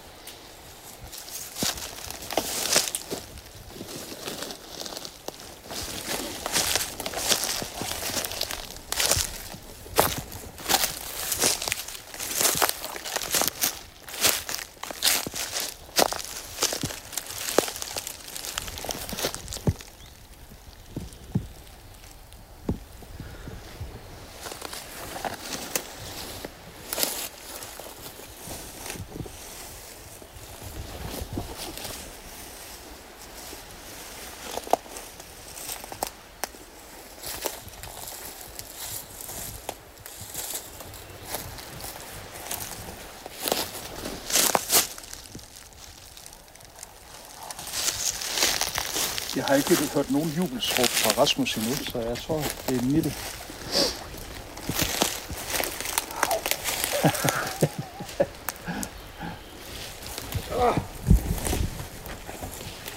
Det, dette er et brumbærhelvede. Det er bare.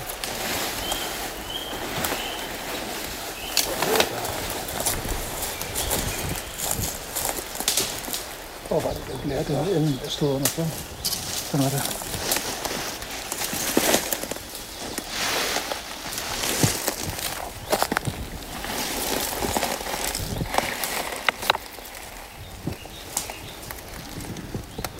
Kan du lugte løgne? Dufter meget af, ramsløg her.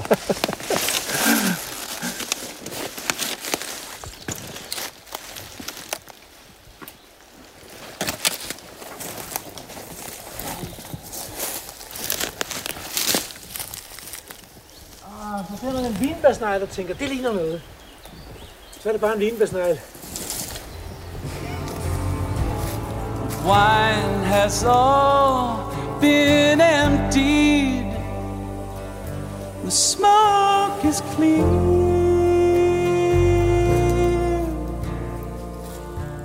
As people file back to the valley on the last night of life's party. These days the years thin till I can't remember just what it feels like to be young forever.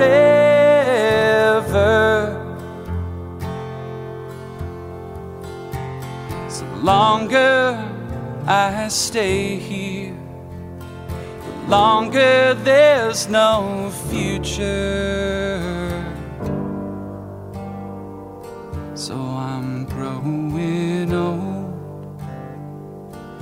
On Magic Mountain. I'm growing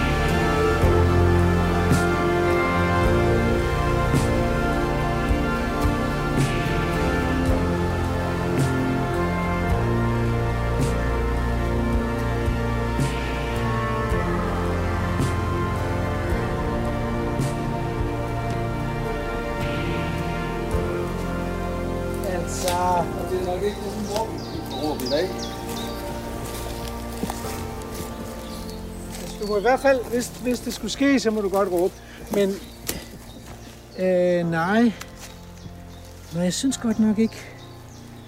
Ikke engang, jeg har været tæt på. Eller rettere, det ser jo godt ud, men de er der jo bare ikke. Øhm. Nå, men så kan jeg godt tænke mig at stille dig et kontroversielt spørgsmål.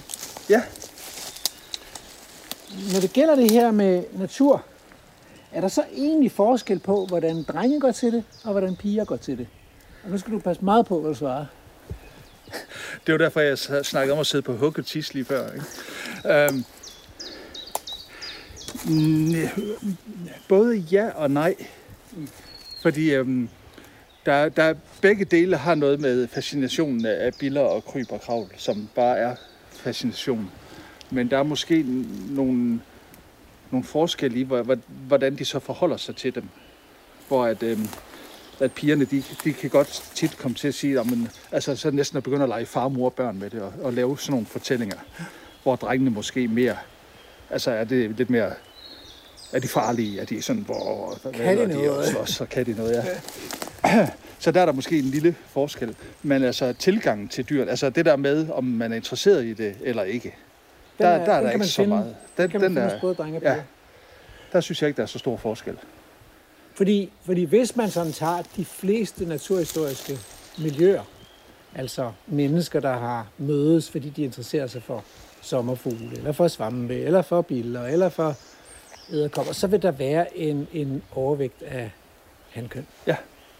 Jeg tror, det eneste miljø, jeg kan komme i tanke om, hvor det ikke er sådan, det er mosser. Der er, Ja, ret, mange, ret mange kvinder, der er ligesom interesseret sig for mosser. Ja. Men jeg vil sige også, altså, øhm, i svampen, altså, jeg tror, altså, Facebook-gruppen Svampeliv er jo næsten 50-50 ja. med medlemmer, ikke? Altså, men, men der er der jo både, der er der jo, altså, der er jo også noget mad og noget samler, altså, Ja. øh, inde i, i det. Ja. Øh, uden at komme til at skulle træde nogen over træerne med stereotyper igen med, at, at kvinder de samler forråd, og, og nogen går på jagt. Og, altså, men, men der er Men noget interesse. og, hvid anemone og mælkebøtter og oliebiller er jo også stereotyper, så det er jo ikke, det findes altså ja. forskel i verden, ikke? Øhm, ja. Øh, men hvis du kigger på, på, på, på sådan nørderne, der indra, ind, har indrapporteret mange rødlistede svampearter, så vil der stadigvæk ja, er det overvægt over. mænd, Ja, ja, men, ja. Men måske er det ved at ændre sig. det, det ser ud som om, at vi, vi har fået nogle formidlere nu, der, der, der også på landstækkende tv presser rimelig godt igennem som Vicky forbilleder. Knudsen. Vicky Knudsen og Bjørli er jo også... Og Bjørli, ja. Og de har jo begge to vundet prisen som Danmarks bedste naturformidler. Og Sara Kanø er jo også på vej, som også er indstillet sammen. Præcis. Så, så de er derude ikke? Og, og begynder at deltage mere og, og, og gå selvstændigt med at formidle og sådan ting. Og det er jo... Ja. Der tror jeg, der, er der, der bliver der nogle forbilleder at kunne hente.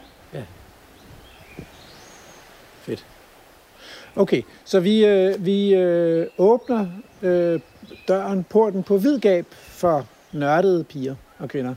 Og de findes. de findes. Altså, der er jo også, en, der er jo til, også oftest en aldersbias i det her. Ja. Men der, det ser også ud, som om der er flere unge, der kommer med. Men altså, sådan et medlemsmøde i, i den lokale dopforening, der er der ikke mange unge mennesker med i. For slet ikke at sige Dansk. Botanisk Forening, altså eller Danmarks Naturfredningsforening. Men det er også som om foreningslivet på en eller anden måde tiltaler de gamle. Ikke? Det var den måde, man gjorde på en gang. Ikke? Jo. Men så nu mødes man på sociale medier og, og i andre sammenhænge og organiserer sig mere uformelt. Ja, men, og, og det kan, men altså, nu er jeg så måske lige midt imellem. Øhm, men, øhm, men jeg har det jo også sådan, altså, aktiv, deltage aktiv i foreningsliv, det er ikke noget, der tiltaler mig. Altså at sidde og, og skrive referater af møder og høringssvar og sådan nogle ting, det er ikke det, Vedtægter og generalforsamlinger. jeg vedtægter det i generalforsamling. Det er jo ikke, det interesserer mig overhovedet ikke. Altså det er mere, men jeg kan godt lide, jeg kan godt lide de uformelle forsamlinger af folk, der mødes og nørder nogle ting.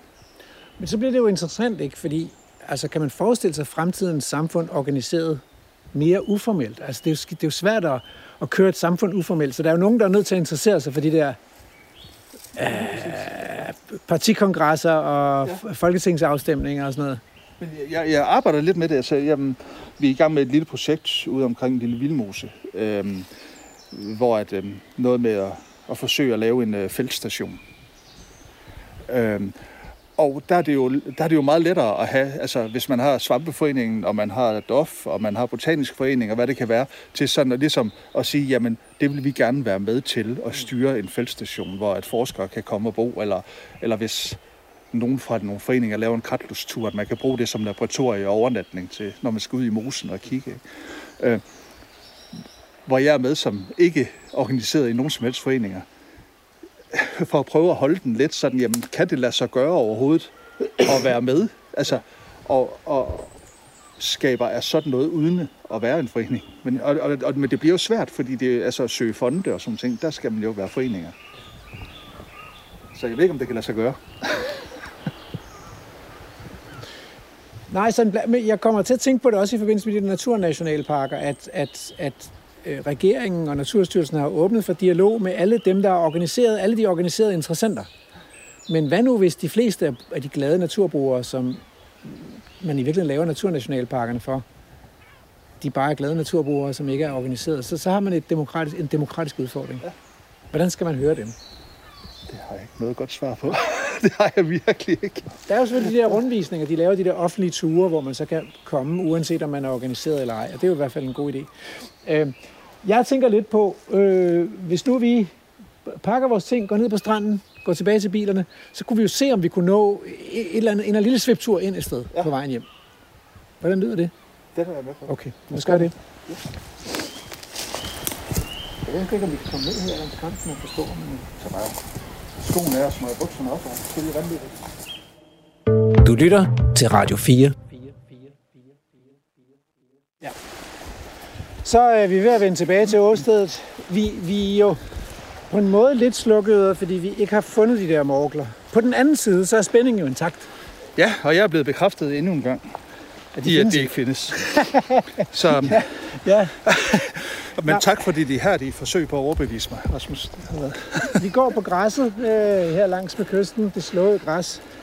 Øh, vi har gjort, hvad vi kunne. Vi har mødt et par lystfiskere på vejen. Altså, de havde jo heller ikke fundet nogen morgler, men det var Nej, ikke det- de var ude efter. øhm, og de havde heller ikke fanget nogen fisk.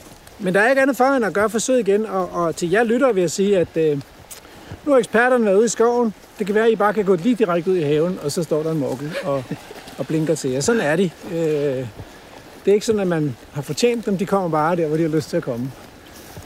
Øhm, men Kasper, du har fu- fundet andre svampe Ja, en del. i tidens løb.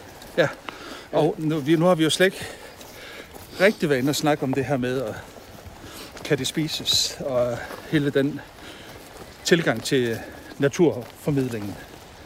Og det er jo forkert, fordi øh, i virkeligheden har Vildspor et princip om, at vi interesserer os ikke for den natur, der kan bruges til noget. Nej, Vi interesserer os for den spændende, oplevelsesrige, mystiske og unødige natur. lige præcis. Men, men morklerne har jo både, altså det startede jo helt klart for mig, ligesom de andre svampe, i at det var noget, man kunne spise, så det var noget lækkert. Og der har morklerne jo fået sådan lidt en mytisk fortælling også om, at det er noget af det bedste. Øhm, men jeg, jeg er kommet noget videre, efter jeg begyndte at samle svampe. Altså, nu, nu tager jeg ikke ud og samler spisesvampe længere, fordi det, det er for let. Bortset fra morklerne, ikke? Man kan gå ud og hente de der Karl Johanner og kantareller, der står, står de steder, man ved, hvor de er. Men det er jo alt det andet, der er blevet spændende, som har åbnet mine øjne op for... Altså, spisesvampen har åbnet mine øjne for alt det andet derude. Ædesvampe, som mykologerne vrejder. Øh, svampe, ja. Men prøv at høre, øh, der er forskel på ædesvampe og ædelsvampe. Men, men hvad hedder det? Øh, er det virkelig forkert? Altså, fordi nu siger du, at din indgang til svampene var spisesvampe. Jeg blev også nødt til at indrømme, at det var også min indgang til svampene. Jeg startede der, ikke? Øh, Jo. Og, og, jeg gik, og i starten, og der var også sådan noget diversitet, det gik ud på at få smagt en masse forskellige svampe. Så jeg ligesom kunne få udvidet mit repertoire. Ikke? Så har du også spist rigtig mange kedelige svampe. Jo, jo. det. Men man prøver kun lærkerøg at det en gang. Lige Den præcis. bliver simpelthen Det var så ubegribeligt slibet. Sådan en suppe med flydende snotklatter. Ja, det har jeg også, har også været. Og så sker der jo også det, at når man så har fået prøvet rigtig mange, så finder man ud af, at det, der er ikke noget, der smager lige så godt som Karl Johan. Den smager så fantastisk godt. Ja. Italienerne ved det. Borgin. Ja. Men, men det er lidt af et dilemma, synes jeg. Ikke? Fordi der er jo, jeg vil jo heller, meget hellere formidle, ligesom Vildsborgs, øh, alle de der, de oversete, de, de små tingene, dem der ikke er interessante, når man sådan kigger på de store, ligesom alle folk, de tager i Lille Vildmose for at se el og, havørn og kongeørn. Og så glemmer de at se øh, alle de smukke sommerfugle og bitte små øh, metallicfarvede glinsende biller. Men hvorfor, hvorfor er det et problem? Fordi det er jo rigtigt, hvad du siger. Jeg, jeg prøver jo også at markedsføre de her vilde planter, men problemet er, at de har simpelthen så små blomster. Ikke? Så, og man kan jo se, hvordan selektionen er, hvis man tager et plantecenter. Ikke? Det er jo planter med store blomster, der bliver solgt i plantecenteret. Ja. Ikke? Så det kan folk se og få øje på. Så på en måde er historien måske bare, at, at vi mennesker har en lang tradition for det der med at interessere os for det store og det nyttige. Men jeg kunne godt tænke mig, at vi også interesserer os for noget andet. Det, altså, det er lidt ligesom med arbejdet i børnene i børnehaven. Altså. Vi kan godt begynde at interessere os for, ja, det gør de fleste pædagoger også, hvem de er. Ikke hvad, hvad, hvilken nytte gør de senere i livet, eller hvad kan de blive. Kan den spises? Ja, Er den giftig? ja alle de der ting. Øhm, sådan, sådan vil man jo aldrig møde et menneske. Nej. Så, så det kunne også være spændende bare at møde forglemmer jeg ned i Østplanen, eller Bellisen, eller hvad de hedder. Ikke? Men det er lidt nemmere at få øje på de der knopsvaner der, som ligger i vandkanten her. Det er jo et stort dyr, altså. Jo. Og er vist også på et tidspunkt blevet valgt som Danmarks nationalfugl. Jo, det er det også, og- og det er jo også, jeg kan også godt forstå, at man valgfarter ud og, og opleve ellen, fordi det er, det er altså rimelig magisk øjeblik. Og den har du i baghaven. Den har jeg i baghaven, ja. At øh, når man så går og leder efter svampe ude i, i den der gamle pileskov, der er bag ved Højmosen, Ja. og så hører man en gren knæk, og så galopperer der en elg forbi en inden for sådan 100 meters afstand, ikke? Så, så giver det sådan en sug i maven, og man finder et træ at stå op af, ja. så man har ryggen dækket i hvert fald, hvis der skulle komme flere. Ja. Og det er en kæmpe oplevelse. Ja. Øhm, det, er en, det er en fantastisk oplevelse med så store dyr i naturen. Ja. Øhm, så selvfølgelig har de noget af tiltrækningskraft. Jeg har også prøvet at formulere det før, den her med, at jeg tænker, jeg, jeg har sådan på fornemmelsen, det ligger i vores gener at være tiltrukket. Altså, Er det store? er det store, øh, og de, øh, de der store dyr. Vi har bare glemt dem lidt og pakket dem ind i, i, i kæledyr og, og, og, og produktionsdyr. Fordi folk de valgfarter også til den lokale økomælkefarm på øh, køernes dag, hvor de Det- alle det- sammen bliver sluppet på græs og står og jubler over, hvor glade de der køer de ser ud. Og får en oplevelse af mødet med et stort dyr. Og der er jo noget vildhed der, fordi at dyret har været spærret inde øh, hele vinteren, og så bliver de sat fri, og så er de vilde. I hvert fald i lige et øjeblik, ikke? Jo. Øhm, men, men der er også en smerte forbundet med det, synes jeg, fordi jeg har også oplevet det. Fordi de, de, de, de spjætter jo, fordi de har været spærret inde under slavelin. Det er jo slaver, man sætter fri der ja. og i det tidlige forår, ikke? Det kan da godt være, det er lykkeligt, men det er jo også lidt ulykkeligt. Det er det, altså. Jeg har sarkastisk hvert år skrevet, at, øh, at hvordan kan vi fejre, at de har været spærret inde i et halvt år. Ja, præcis. Men det kan vi jo, fordi vi lukker øjnene for det. Ja. Vi vil gerne se os selv som de gode. Men, men betyder det, at, at, at nu var det os, der blev vækket til, til den vilde natur via spisesvampene, og vi så opdagede, at det var en indgang til en meget større verden? Betyder det, at kunne de store dyr blive sådan en indgang i fremtiden? Altså dem, vi har sat, sat fri? De store vilde dyr? Det, altså, det, er jo, det er jo det, jeg håber, og det kan jeg jo også godt se med alle dem, øh, der besøger Lille Vildmus. Ikke? Det kan godt være, de første gang derude, fordi de vil se en, en el. Ja. Men så står de ved siden af en, der lige har set en hugorm. Og så siger det, så lige at se derovre, der står en hugorm. Ikke? Altså, og så møder man mennesker mellem naturen, ikke? og så kan man inspirere hinanden og egentlig åbne verden op for hinanden. Så, så der er jo en formidlingsindgang i det. Ja. Så jeg, jeg håber, og, og forsøger at gøre mit i hvert fald for at inspirere folk, nu når de alligevel er ude med øjnene til også at se noget andet.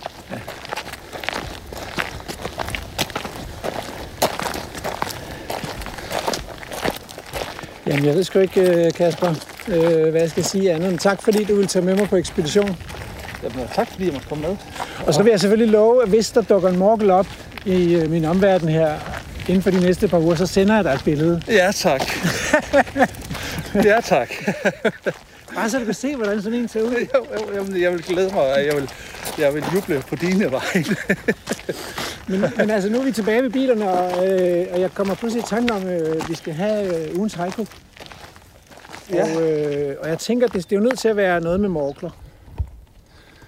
Og, og det kunne godt være, at, vi, at den sidste linje skulle lyde, morkler findes ej. Det ville være perfekt. Men så skal vi have vores, der var gæresangeren, så skal vi have vores, øh, vores ekspedition beskrevet inden da. Jeg står lige og tæller stavelser. Jamen, det, det, det skal du gøre.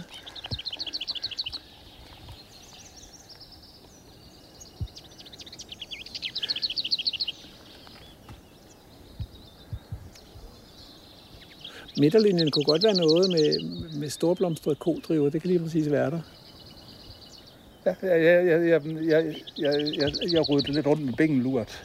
Ja, altså i starten der? Ja. Sådan lidt bængenlurt, der er en masse et eller andet, eller sådan noget.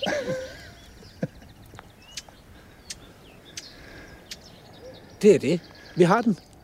Bængelurt, en masse og storblomstrede kodrive. Morkler findes ej. Ret bliver pænt. Ja, ja. Programmet er produceret af Folkeuniversitetet og Aarhus Universitetsforlag for Radio 4.